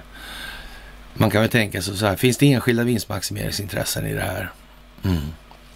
Då är det ju som det är, faktiskt. Och då kan man säga så här, att man ägnar sig åt prisupprätthållande verksamhet, det får man faktiskt se som lika givet som att OPEC är en kartell. det är inte annorlunda alltså, det är precis samma sak. Mm. Och frågan blir då, är de här prisbildningsmekanismerna, är det någonting som gynnar samhället i stort på något minsta vis? Nej, det är det inte. Det kan ingen säga. Och, och fine om dieseln kanske kostar, vet jag, 5, 6, 7 spänn. Något sånt där kanske. Vad det kan röra sig om. Det, det får vi nog faktiskt leva med. Men resten, nej, är ytterligt tveksamt. När kilowattimmarna tar vägen som de gör nu, det är nödvändigt helt enkelt. Det måste, det måste, det måste bli så. Folk måste förstå. Vad är det här för något? Folk måste förstå vad den där vindkraften är för någonting. Vilka effekter har det? Vad, vad, vad handlar det här om? Kan den där eh, vara liksom bra? Är den miljövänlig det här egentligen? Används den på ett sätt som är rimligt överhuvudtaget? Har, är miljöeffekterna genomgångna? Det kunde vi konstatera då att den här lagen då från 1919 som ligger till grund för då älvarnas utbyggnad och reglering där. Den är ju lite sådär helt enkelt, gammal kanske då. Och innan dess var den från 1600-talet. Ja. ja. det där är ju liksom inget vidare. Och de här miljöutredningarna, ja, de kommer ju visa sig också ha eh, samma gedigna underbyggnad om vi säger som så. Eh, lite lätt frånvarande. Lite lätt. Mm. Folk måste förstå. Optiken måste klarna. Det tar tid. Vi har lång väg att gå i det här innan vi är framme. Eller rättare sagt, vi kommer aldrig fram. Det är resan som är målet. Men det kommer att bli mycket bättre och det kommer att bli bättre rätt snabbt också. Fast först måste det bli sämre. Först måste det bli sämre. Det måste kännas. Det måste bita. Och ja, i girighetens mecka och hopplöshetens rike här i Sverige så ja, då är det väl penningpungen då. Det finns väl inte så mycket annat faktiskt. Helt enkelt. Jaha, det här med en politiker som renoverar för dölja styckmord som kom handlarna från Nyköping. Det där är lite eljest alltså. Det handlar om Karlbergskanalen. Det här med att slänga kroppsdelar i Karlbergskanalen, det är ju snart en uh, kulturyttring höll jag på att säga. Att det här kommer just nu. Ja, det är som sagt mycket som ska upp. Det handlar om obducenter. Det handlar om rättsläkare. Det handlar om eh, Palme. Det handlar om Thulehuset. Det handlar om Estonia. Det handlar om Mollox-business. Det handlar om utpressning. Det sitter ihop. Alltihop. sitter ihop. Allt är ett. Så är det också. Ja, faktiskt. Och eh, Norge, de eh, har kommit på att det här med eh, NATO-trafiken nära Ryssland, det verkar mera så att säga eh, sinnesstämningsskapande på ett negativt sätt. Och jaha, Norge var med och grundade NATO, men vilka intressen var det då som egentligen bestämde i Norge? Ja, och nu ska vi se här. Det är väl i och för sig då samma intressen som vanligt skulle man väl kunna säga och det har ju att göra med Ljungaverk, det har att göra med Norsk Hydro, det har att göra med aluminiumoxid, det har att göra med tungt vatten, det har att ja, skapandet av Norsk Hydro, det har skapandet av Nobel... Prisen. det har att göra med en massa sådana här saker. Mm. En av NATOs grundande medlemmar försöker skyndsamt dra tillbaka spänningen och minska risken för konfrontation med Ryssland i ett ögonblick som den anklagade retoriken kring Ukraina fortsätter att sätta förbindelser mellan Ryssland och Europa på kant. Norges utrikesminister Anniken Huitfeldt har meddelat att det skandinaviska landet vill att amerikanska, brittiska och andra NATO-flygplan och fartyg ska hålla avstånd från Rysslands gräns. Det är viktigt för Norge att vara militärt närvarande i vår omedelbara omgivning. Men mycket nära den ryska gränsen så tror vi att vi gör det bäst själva faktiskt. Alltså. Ja, med norska flygplan och norska fregatter, de där som går på grund och sjunker räknas inte dit kanske då, jag vet inte. Fast det kanske är bättre att de gör det, det är kanske så man menar också. Det är grundläggande för oss, Anniken Huitfeldt berättade det här för tidningen Världens Gang alltså och hennes ord översattes och presenterades i ryska mediekanaler lägger man till då. Och det kanske är bra att det här finns på Zero Hedge då, och det vill säga på andra sidan Atlanten. Det säger ju på något vis att eh, man är medveten någonstans om att de här strukturerna ser lite annorlunda ut till sin grund än vad kanske många människor har förstått fortfarande. Och eh, Joe Biden, han gör ju sådana här vanliga grejer då som han till exempel hävdar han då att han var en, då en nära anknuten till Israel då när han egentligen gick i plugget redan. Alltså, han kände Golda Meir och så vidare. Så här. Det här är ju liksom ingenting som i alla fall inte Israel kommer uppfattas som eh, ett styrketecken från Joe Bidens sida. Det är helt säkert. Man gör det ändå. Då. Och alla medial, eller medierådgivare i hans sammanhang då, de missar det här med att säga till. Alltså. Jaha. Ja. Hur kommer det sig egentligen? Ja, det kan man fråga sig. Det kan man fråga sig. Det blir inte förtroendeskapande i de breda lagren av befolkningen i alla fall. Det är helt jävla säkert.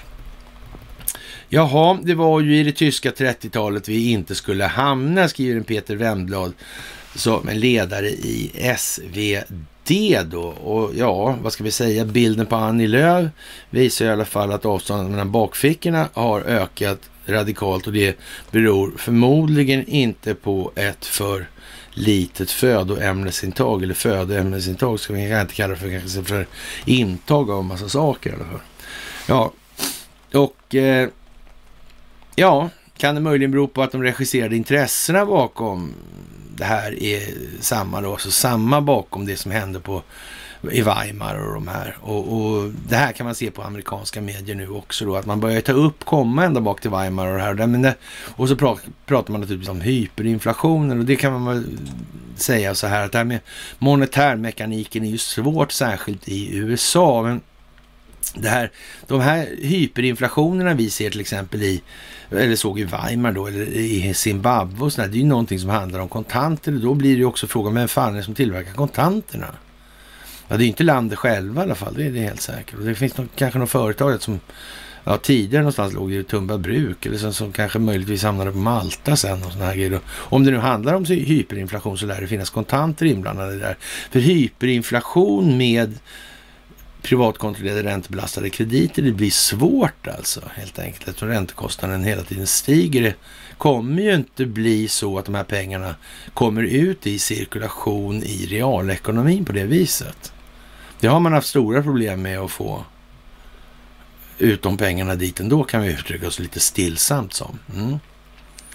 Så det blir ju aldrig det. Ja, men hur som helst då. Det, det, är inte riktigt samma case liksom, men det får man, man får ha liksom ett lite pedagogiskt översyn, att de måste göra sådana de gör, för det går inte att ta allting på en gång. Man får ta lite elefant, de får äta från ett annat håll på sin elefant helt enkelt.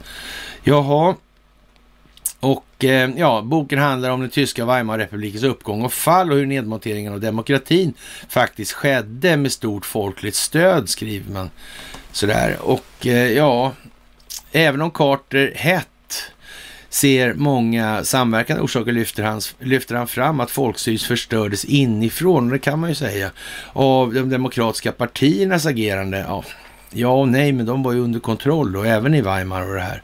Och det var ju liksom så att det var uppbackning bakom Adolf Hitler, men det, det är något sånt där som det glöms ju bort alltså. Med, med, av en anledning naturligtvis. Men det proportionella valsystemet innebar att det var konstant svårt att bilda stabila majoriteter med ständiga misstroendeförklaringar och regeringsombildningar som följde. Alla partier intog oförenliga positioner som till slut gjorde det omöjligt att regera med demokratiska medel. Ja, man får nästan intrycket att det var meningen att det skulle bli så ett jävla manövrerande för att få till den slutliga, eller den lösning som som man faktiskt sökte.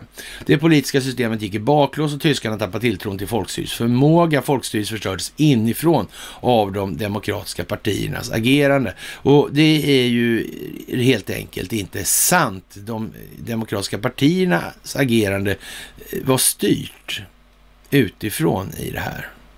Och, och det var de så att säga, i Tyskland, och främst kanske de tyska industrialisterna med Krupp och ja, det där gänget då, som, och Thyssen och så vidare. Termer och Bosch och så vidare.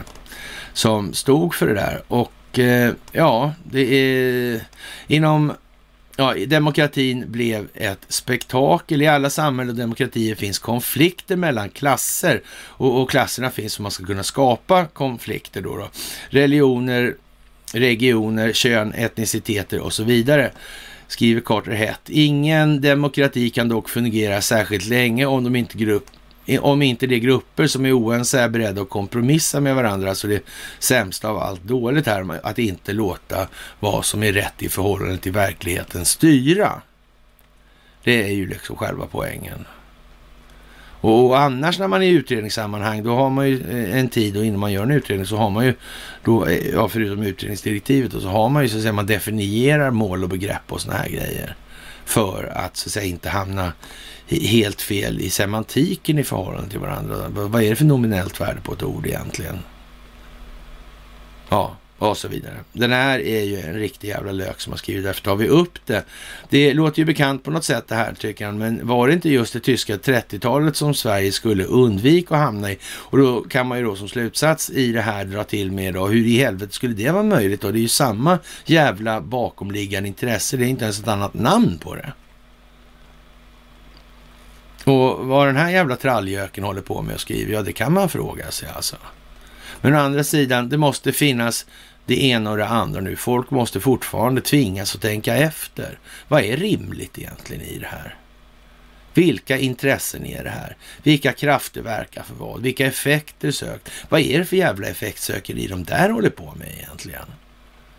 Ja, och så vidare. Och Annie Lööf, ja, hon ser ut att ha smort kråset en gång för mycket, minst. Jaha, det är frågan som vi måste ställa oss. Har vi verkligen ett klimatproblem? Så slår snön och vinterkylan mot elbilarna. 40 procent av de som kör elbilar idag har inte kört i snö och kyla tidigare. Det har sålts så mycket elbilar senaste tiden att vi nu det vi såg i södra Sverige var många elbilisters första erfarenhet av rejält vinterväder, säger Fredrik Sandberg, chefredaktör för Elbilen i Sverige. Men jag skulle inte bli förvånad om man lägger fokus på att elfordonen har blivit stillastående i kylan. En och annan fossilbränslebil har säkert också fastnat, säger Stefan Persson, enhetschef för Eko elektromobilitet vid forskningsinstitutet RISE eller RISE kanske på svenska då.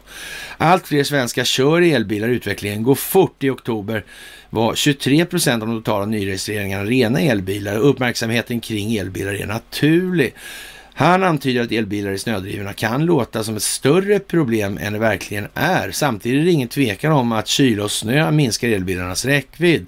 Medan, mellan tummen och pekfingret har en elbil i genomsnitt en tredjedel kortare räckvidd när det är kallt, säger Fredrik Sandberg, chefredaktör på tidningen Elbilen i Sverige. Bilen drar mer ström då kylan påverkar batteriet, däcks friktion ökar mot snön, Luften blir tjockare och ger ökat luftmotstånd och el går åt till värmen i kupén. Han tillägger, det finns ingen, inte större risk att bli strandsatt om du kör elbil än om du kör en personbil, bensinbil. En van och påläst elbilsägare löper sällan sådana här risker. Jag vet att när man kör elbil och inte går åt med ström och saker kan hända på vägen. Därför måste man alltid ta höjd för det och ladda lite mer än vad man behöver. Sandberg konstaterar att det är tuffare att köra elbil på vintern. Det vill han inte sticka under stol med. Samtidigt har elbilen fördelar i vinterförhållanden också. Den är betydligt säkrare på vintern för det är lättare att kontrollera antispinnsystemen med en elmotor. Ja, men det finns också en annan aspekt när man består i en bilkö under lång tid. Jag sitter hellre fast i en bilkö i en elbil än vad jag gör i en bensinbil på grund av utsläppen från avgasröret. Det har hänt olyckor med kolmonoxidförgiftning. Ja, ja. Men, men, jag vet inte om diesel var så farligt med det med kolmonoxid nog kanske. Nej. En skillnad mellan bensinbilar och elbilar är möjligheten att komma igång om tanken eller batteriet töms. Har du en bensinbil räcker det med en reservdunk. För elbilen är det inte li riktigt lika lätt och en möjlighet att koppla en sladd då till en annan bil då. och det här är på gång då tycker han. Åh, jag vet inte. Det är en lite sådär, äh, ja, det är ingen reklam för elbilar helt enkelt, men det går, måste tas i delar. Det är som sagt rätt många som har lagt rätt mycket pengar på det här med elbilen och det ska väl kanske möjligtvis vara en minnesbeta inför vad som komma skall nu då. Det måste ju vara, det handlar om folkbildning, det handlar om pedagogiken i den här folkbildningen också. Och det handlar om att människor faktiskt ska rannsaka sig själva och sina egna val i det här och faktiskt stå för sina egna val i förhållande till sig själva. Även om det råkar visa sig att man har tagit jävligt gruvligt fel i den meningen. Ja, så är det. Och eh, ja, vidare då. Sveriges uppvaknande kan bli omskakande, skriver Rolf Gustafsson och det är i Svenska Dagbladet. Och det kan man ju säga så här. Eh, är ju lite sådär anmärkningsvärt. Man, man, får ta det i delar, men nu sköljer sig sagt det iskalla vattnet över Isengard i Ljungaverk kan vi säga som exempel då. Men ni kommer ju ihåg det här med filmen när man släpper loss vattnet över Isengard och änterna gör det helt enkelt. Ja, ursäkta igen. Det är kallt kan jag meddela och man blir snuvig. Det, eller också är det covid. Eller det heter, det heter, nu det heter det där ah, Moronic höll jag på att säga. Ja, eh, den som vill orientera sig om vad som väntar utanför Sverige kan börja med att studera de ståndpunkter som den nya tyska koalitionsregeringen enats om. Det är ett mycket omfattande och precis dokument. När man når fram till sidan 131 finns ett stycke om synen på EUs framtid. Då. Och där kan man läsa att tyska regeringen vill använda EUs framtidskonvent för reformer och understödja nödvändiga för, företagsförändringar och så vidare. Och eh, sålunda återkommer Tyskland till en gammal grundtake från Konrad Adenauer och Walter Hallsteins dagar. Målet är en ny, en nytt europeisk federation och det är ju kanske, eh, ja, eh, sådär, eh, ja, speciellt. Och det, i det, den meningen kan man säga, är det det som krävs för att montera ner den djupa staten så får det ju bli så. Mm. Det vill säga man har kapat EU som verksamhet och institution. Och, och, och det, handl, då handlar det är mycket enklare. Det handlar inte om att ta ägare, för det här ägandet det tar ju längre tid att spela sig till då, om man säger. Jaha, och eh, ja, det visar sig nu i alla fall att Tyskland och Frankrike har likartade ambitioner i stark kontrast till den hållning som Sverige brukar ta. Och det är ju lite lattjo. Kan det möjligen, vad kan det bero på att Sverige intar en annan hållning? Kan det bero på att vi har företagsintressen eller sagt, vi har en finansfamilj i det här landet som har tidigare i alla fall kontrollerat EU men som inte gör det längre då? Kan det vara så?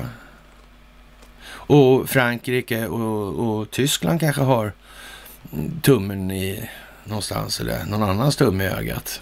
Kan det vara så? Det kan det vara faktiskt. Och det ska man inte glömma bort alltså. Jaha, man, eh, ja, vad ska vi säga? Det kan vara frestande att avfärda allt det här då liksom eh, som lite politisk operett, men ett intensivt nära samarbete mellan Frankrike och Italien kan ytterligare driva på reformmöjligheterna inom EU. Bakom nya fördraget ligger den italienska politikern Sandro Gossi som tillhör den inflytelserika vänkretsen med den franska presidenten. Gossi kopplar samman den nya tyska regeringens EU-linje med den nu institutionaliserade förstärkta, förstärkta samarbetet mellan Italien och Frankrike till ett nytt kraftfullt kraftfält i EU. Triangeln Berlin, Paris, Rom kan komma att bilda ett epicentrum i EU och väcka frågor till alla ja, de som hamnar i marginalen, exempelvis i Stockholm. Och vad handlar det där om då? Det är klart att det kan behövas en sån här EU, men det är som jag sagt hela tiden, EU kommer haverera i sin nuvarande form och tappning som det gamla CIA-projektet har varit då med bröderna Dall i botten och i, ja, så här, ivrigt instruerade då av gänget på Arsenalsgatan 8C. Helt enkelt bara så. Och eh, ja, det går så sakta steg för steg i USA med de här valfuskgrejerna och det får väl hållas lite på den delen nu för man måste i kapp i en rad andra sammanhang, allt ifrån Myanmar till ja, det här lilla fönstercaset då med Durham som växer allt mer i det här och skapar en ganska så stor oro inom ramen för den djupa statens verksamhet. Det är bra.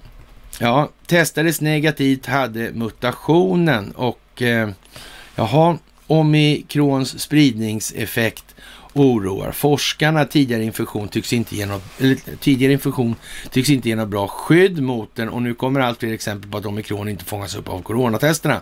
Flera flygpassagerare har visat bära på viruset trots negativa covid-test. Vi kan alltså inte testa det och, och det går inte att skydda sig och ingenting och dessutom är det inte särskilt farligt. Nej. Men vi kan konstatera att det behövs rätt så, så speciell pedagogik för att bryta igenom de här förnekelsevallarna som finns då i hjärnbarkarna på människor i allmänhet alltså. Det är rätt så mycket motstånd i den meningen faktiskt. Jaha, kritik mot Spotifys vd efter miljardinvestering. Det handlar om herr Ek då som har investerat i ja, krigsmaterielindustrin och det kanske inte var sådär jävla lämpligt timingmässigt då och ändå så gjorde han det och vad kan det då möjligen bero på? Ja, han hade inget val tror jag faktiskt. Och det är en del i det här spelet, i folkbildningen. finländska försvarsmakten uppges föreslå att det blir amerikanska Lockheed Martins modell F-35 som blir landets nästa jaktflygplan. Man förespråkar alltså inte JAS Gripen och det är ju lite tjurigt då kanske, kan man tycka för några. Men eh, det bara flyter på tycker vi faktiskt. Och det är ju någonting som är bra och det ligger i linje med vad som ska göras för att motverka den djupa staten. Kylan är, gör prisrekord här nu på eftermiddagen igen och det är ju som förväntat helt enkelt. Och eh, Laxfälla sa vi då med avseende på tusenlappens namn då. Och eh, ja, det är väl inte så mycket att... Det finns inget tak för hur dyrt det kan bli. Nej, det tror fan det. Det borde det inte göra. Eller omskrivet då. Den mänskliga dumheten är oändlig kan man ju säga också. De kommer inte fatta hur dyrt den blir. Nej, det kanske de inte gör. Och då får man ta till andra metoder. Men då får man prova det här först. Helt enkelt. Då får det bli alla vägar som provas. Eller fler vägar som provas. Jaha. Och hur oroliga, oroliga ska vi vara för att Kina mångdubblar kärnvapnen undrar Wolfgang Hansson, ja vi får väl säga som Donald Trump då att vi måste rupa, rusta upp vår kärnvapenarsenal till dess att människor förstår den verkliga betydelsen och innebörden av kärnvapen. Så. Och så förtydligar vi oss inte mer i den saken. Nej. Jaha. Vi hade, oj nu måste jag nysa snart. Eh, ja, 1800-talet Sveriges största eh, världens telefontätaste land och byggdes 1897 också jordens dittills största anläggning i sitt slag. Tele mm, ursäkta mig. Eh, ja, telefontornet och på den vägen är det. Och 1931 så hade vi faktiskt rena avlyssningsstationer i det här landet, tusen stycken. Det är rätt många ändå. Det är inte lite i alla fall. Det är det inte. Nej. Jaha. Och eh, i Indien är det 14 döda och det beror på att armén misstog de här för att vara då upprorsmakare. Och det kan man ju tycka är lite förargligt, men...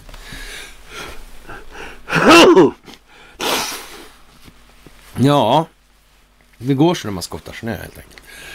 Ja, och eh, ja, det har bäring på Myanmar det här. I, liksom det ligger i Indiens nord, avlägsna nordöstra region längs gränsen till Myanmar. Och innan Myanmar händer det ju saker nu samtidigt.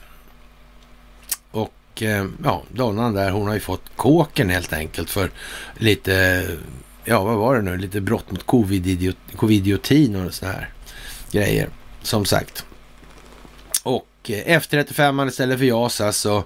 Och ja, det är väl lite tråkigt. Hultqvist tyckte det var jättebra. Mm. Det kanske är meningen att det ska gå så bra för Hultqvist faktiskt. Kan det vara så? Helt enkelt. Ja.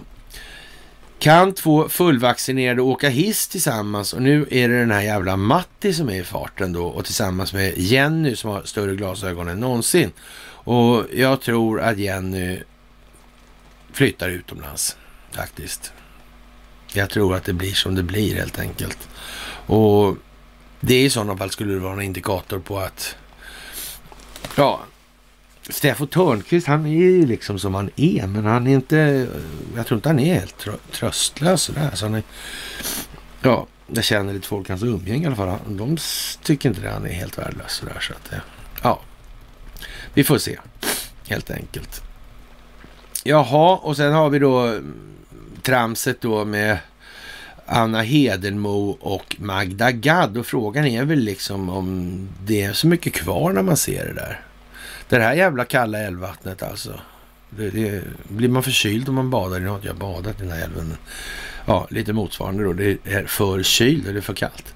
Och eh, ja, det är löjets skimmer som gäller nu när de håller på så här. Och folk ser att det är löjets skimmer. Folk reagerar på det. Vad är det för skit liksom? Är den ena dummare än den andra? Vad är frågan om? Ja, och så vidare. Mm. Man greps med miljontals kronor på Arlanda. Det är, ja, vad ska man säga, en turk. Det är nog ingenting som sker bara om en slump. Det är helt säkert. En, eh, ett telefonföretag har eh, riggat telefoner för att kunna avlyssna. FBI ska kunna avlyssna. Det framkommer nu att det finns sådana företag och det finns fler sådana företag med andra ord. Encrochat är alltså ett företag av en massa företag i de här sammanhangen. Swedish House Mafia ställer in festivalspelning. Två av tre medlemmar har covid och de har ju dessutom en del andra kopplingar, de här Swedish House Mafia. Och det kan man ju säga är lite eljest. Faktiskt. Ja, ja, inga signalvärden alls alltså. Jaha, Meta asks users to send nudes. Nu måste jag snyta mig. Det där är ju alldeles förfärligt. Är det inte det? Jo, men det är det ju. Och nu kan man ju säga så här, nu måste man nästan folk förstå då liksom. Jättes skicka nakenbilder. Jag menar, fattar man inte nu, då fattar man ju inte. Det. Och det kan man ju säga i så fall lite konstigt. Ja, ja. Jaha.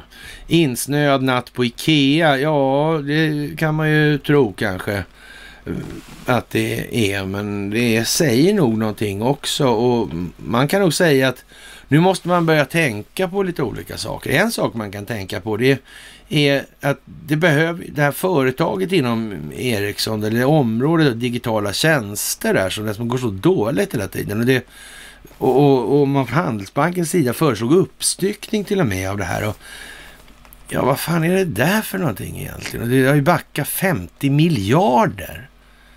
Fan, det är en hel del stålar alltså.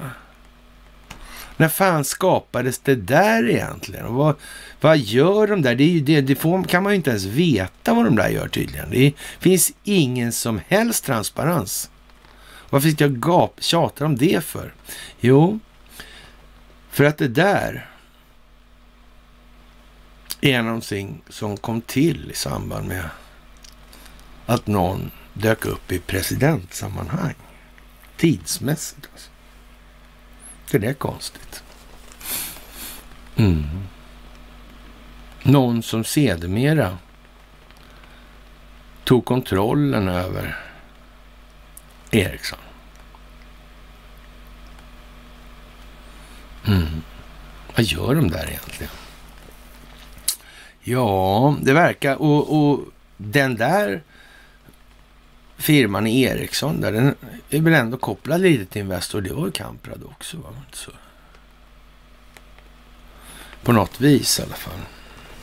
Det var inte så. Någon liten koppling. Någon banker om inte annat. Sådär alltså. Mm, eller inte Kamprads egen avsikt, IKEA. Ja, ja. BBC, The Love of Money. Ja, tredje av tre. Alltså, det där är ju liksom BBC som skriver om, eller pratar om det där med, och det är Mervyn King som pratar och BBC, tillhör inte det någon form av Red Bee? Jo, det gör det, ja. det gör det, just det. Det kan man också tänka på i det här.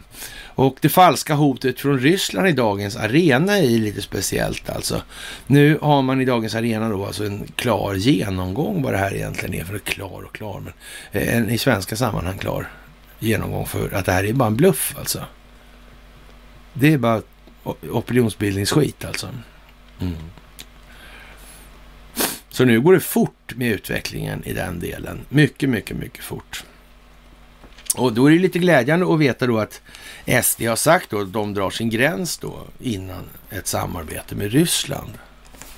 Ja, det är i alla fall ingen folkbildning i den meningen. Det kan man ju inte påstå. Inte i upplysning i fråga om verkligheten i alla fall. Även om det, man kan ju tycka att det är det också i och för sig. Då. Sådär. Ja, Forskare, statliga utredare köps upp inför den här karantänen då. Det är ju lite sådär speciellt. Alltså flera statliga utredare som har haft uppdraget att utreda privata vinstintressen i den offentliga sektorn har erbjudits jobb inom den privata välfärdsindustrin och över en natt blivit välbetalda och lobbyister. John Lapidus, forskare i ekonomisk historia, skriver på DN Debatt att karantänsregler kan hin som hindrar detta borde införas. Och eh, ja, Ja, det får man väl ändå se som ett axiom. Det är helt självklart att det inte borde kunna vara så. Nu kan man ju då fråga varför har de inte sagt något tidigare? Är det nyhet det här då eller? Nej, det är det ju inte.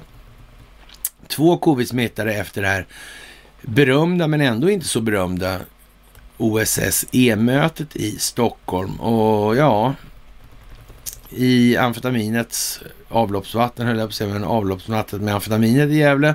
Så ja, Tullverket är tillbaka nu och folk börjar reagera på det här och tycker det är lite eljest kort sagt. Och eh, när den här skitsopan Andreas Kärvenka börjar låta som han gör, då är det ett läge. Ett annat läge är det när det kommer upp bilder som i alla fall ska föreställa Madonna, och, men jag tror att den kommer från Madonnas sida på något vis.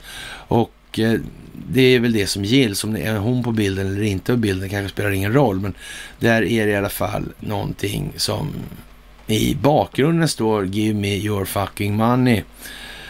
As known as pay taxes, bla bla bla bla bla. Det blir lite Greta, det blir lite möjligt. Det blir lite svenskt kort sagt. Och det visar sig att den här bilden är gjord av en svensk konstnär då i det här sammanhanget. Och det kan man ju tycka är, ja, det är ju bra faktiskt det visar ju sig att cirklarna sluts då i den meningen. Och det är ju väldigt viktigt i de här sammanhangen faktiskt.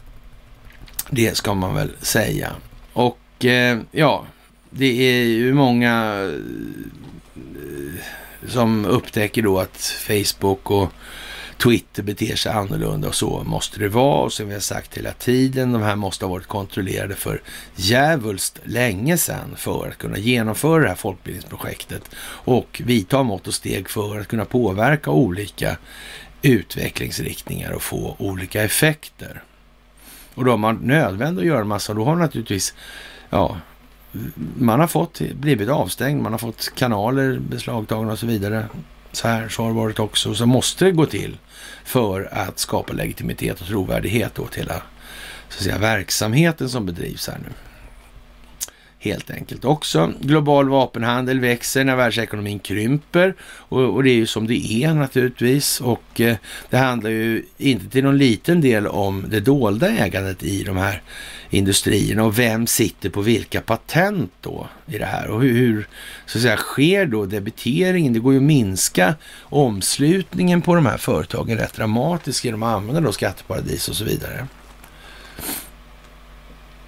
Det kan man också tänka på nu faktiskt. Jaha. Oljeeldade Karlshamnsverket är igång då och de eldar för Polen i det här, det vill säga vi i Sverige tar klimateffekterna och miljöeffekterna och Polen tar energin och då tar de här, ja, kraftbolagen tar då pengarna. Det är ju väldigt bra sådär. Eller kanske det borde kunna vara så, jag vet inte. Eller är det någonting vi ska bry oss om överhuvudtaget? Eller är det här en optikgrej för att folk ska förstå att det här handlar om folkbildning? Kan det vara så? Ja, det kan det kanske vara. Precis. Kryptobörs hackad, miljarder stulna. Hur vet fan vet någon det? Hur vet någon det då? Ja, precis. Och Eh, ja, vad ska jag säga? Prins William avslöjar om Diana 30 år senare. Det där är lite sådär speciellt också. Varför släpper inte det där? Varför hänger det kvar hela tiden? Varför finns det jägardirektivstyrda opinionsbildningsmedier numera? Vad beror det där på? Finns det något i botten på det? Eller varför var det ett jävla tjat bara? Det är fan andra människor som har dött också i olyckor. Eller är det här någonting annat? Ja, jag vet inte. Eller det vet jag visst, men ja. Utnämningen av Jeanette Gustafsson eh, visar hur regeringen styr svenska medier och man kan väl säga så här, det är väl inga sådär jättenyhet va.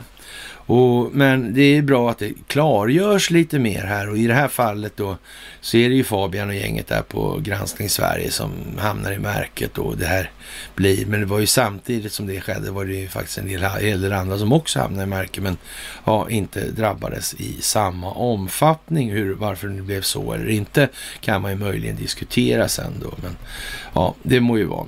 Ja, och den här Suu Kyi då i Myanmar, hon fick kåken då och ja, vad ska vi säga? Det, det är ju inte liksom någon sån här supersensation. Det börjar ju där och naturligtvis skriker en massa organisationer att det är fel och måste frisläppas och så vidare. Men nej, det kommer mer längs den vägen.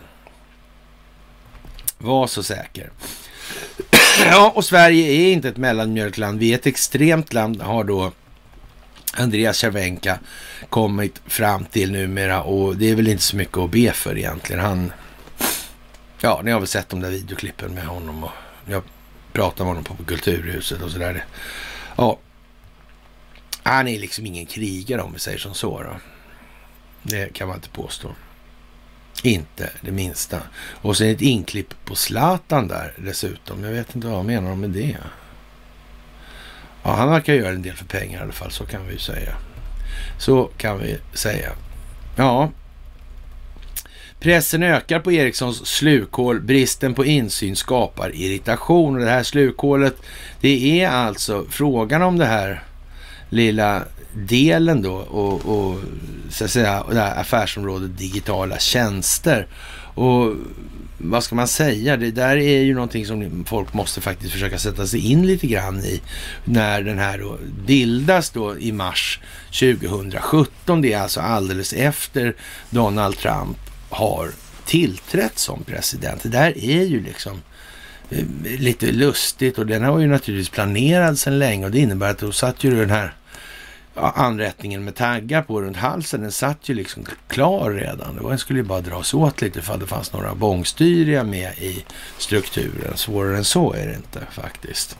Det kan ni ju tänka på i det här och eh, ja, Biden tänker inte åka på OS då, och när det gäller diplomaterna i alla fall. Och eh, ja, det är väl så att det här med OS och bröd och skådespel, det får väl stå för vad det är numera.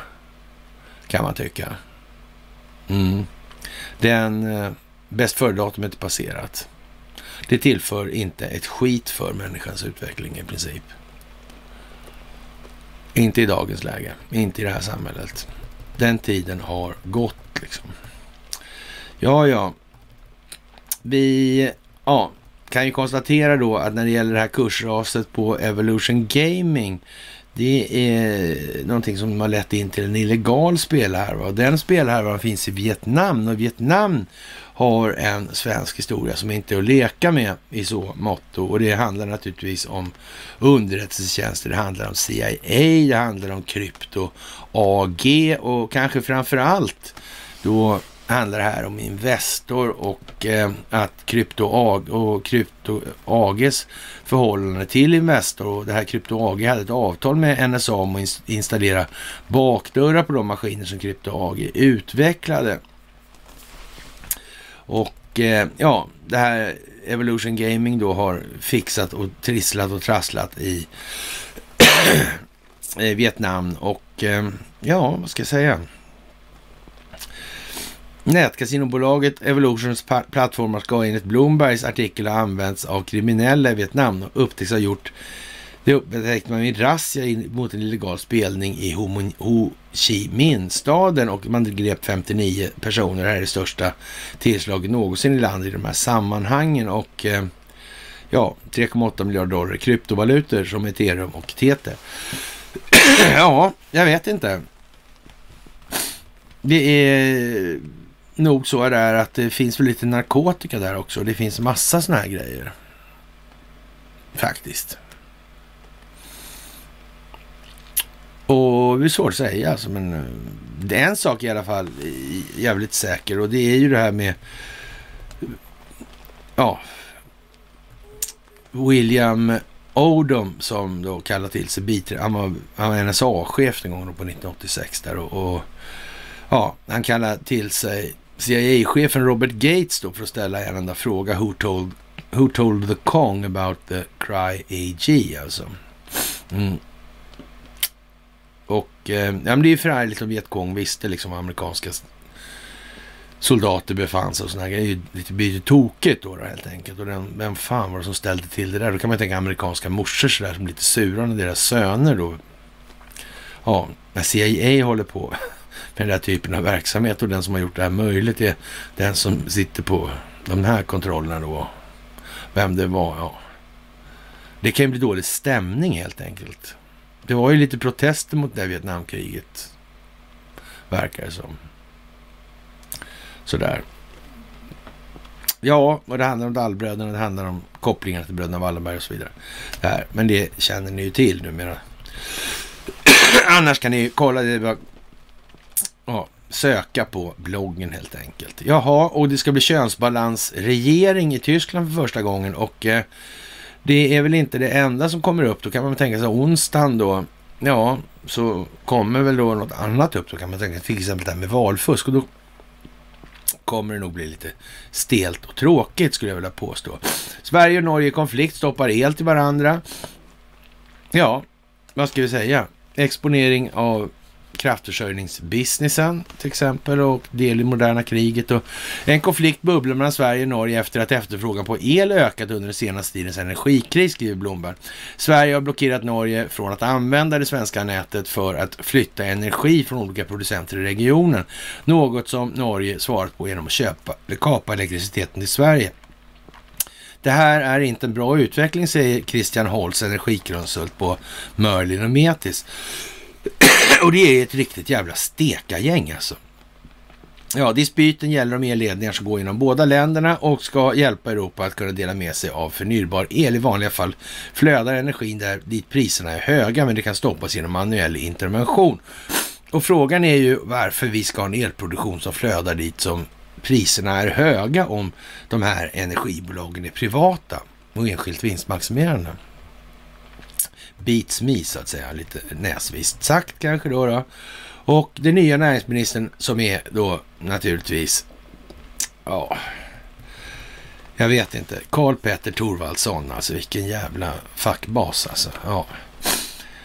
Ja, han öppnar för gruvor och kärnkraft, energi, motorn för nya gröna jobben och det är viktigt att Sverige öppnar fler gruvor och börjar bryta sällsynta metaller, och, säger nye näringsministern Karl Petter Thorwaldsson till DN. Han uppger att de flesta metaller som behövs för att ställa om finns här, men de ska brytas med en mycket, en mycket sträng miljölagstiftning, säger han till tidningen. Och samtidigt uppger han att ny svensk kärnkraft inte är ute ur bilden, trots att det troligtvis inte kommer att bli någon. ja, vad ska vi säga? Jättebra alltså. Helt enkelt. Ja, fyra år fick Su Kyi då och eh, vad ska vi säga?